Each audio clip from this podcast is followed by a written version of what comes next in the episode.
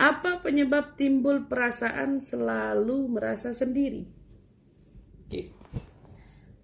Yang membuat diri kita selalu merasa sendiri artinya kita adalah orang-orang yang tidak merasakan keberadaan Allah di tengah hati kita. Padahal Allah Subhanahu wa taala menyebut di dalam Al-Qur'an la tahzan innallaha ma'ana. Pada saat Nabi sedang hijrah dengan Sayyidina Abu Bakar As-Siddiq, Allah Subhanahu wa taala menurunkan ayat yang sehingga Nabi itu bersabda apa, mengatakan kepada Sayyidina Abu Bakar, "Jangan kau bersedih, sesungguhnya Allah bersama kita." Orang yang hanya merasa dirinya sendiri berarti dia adalah orang-orang yang tidak merasakan keberadaan Allah. Orang yang selalu merasa dirinya sendiri bisa jadi ada masalah dalam sholatnya. Orang yang selalu merasa dirinya sendiri bisa jadi ada masalah dalam zikirnya. Orang yang selalu merasa dirinya sendiri, kesepian dengan kesendiriannya, berarti dia ada masalah hubungannya dengan Allah. Nah, ini jadi kalau kita selalu merasa sendiri, maka jawabannya adalah perbaiki hubungan kita dengan Allah.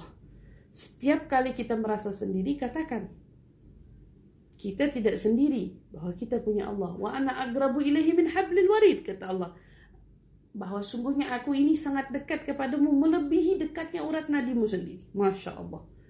Bagaimana seorang makhluk, seorang hamba bisa mengatakan dirinya sendiri? Tidak mungkin.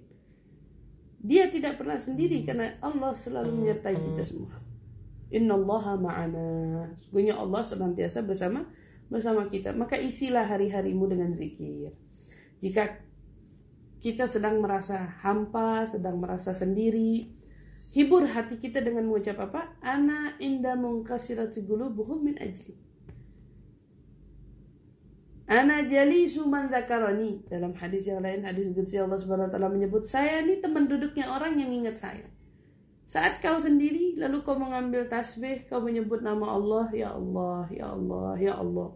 La ilaha illallah, la ilaha illallah. Allahumma salli ala sayyidina Muhammad wa ala sayyidina Muhammad. Pada saat kita menyebut itu, ketahuilah kita tidak lagi sendiri, tapi kita sedang ditemani.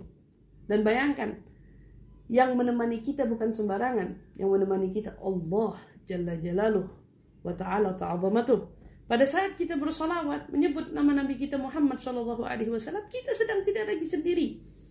Bahwasanya dalam sebuah hadis Nabi disebutkan tidak seorang hamba mengucapkan salawat dan salam kepada eh, aku kata Nabi SAW Allah mengutus malaikat menyampaikan salam tersebut kepadaku dan membangkitkan ruhku, mengembalikan ruhku hanya untuk menjawab salamnya orang tersebut. Masya Allah.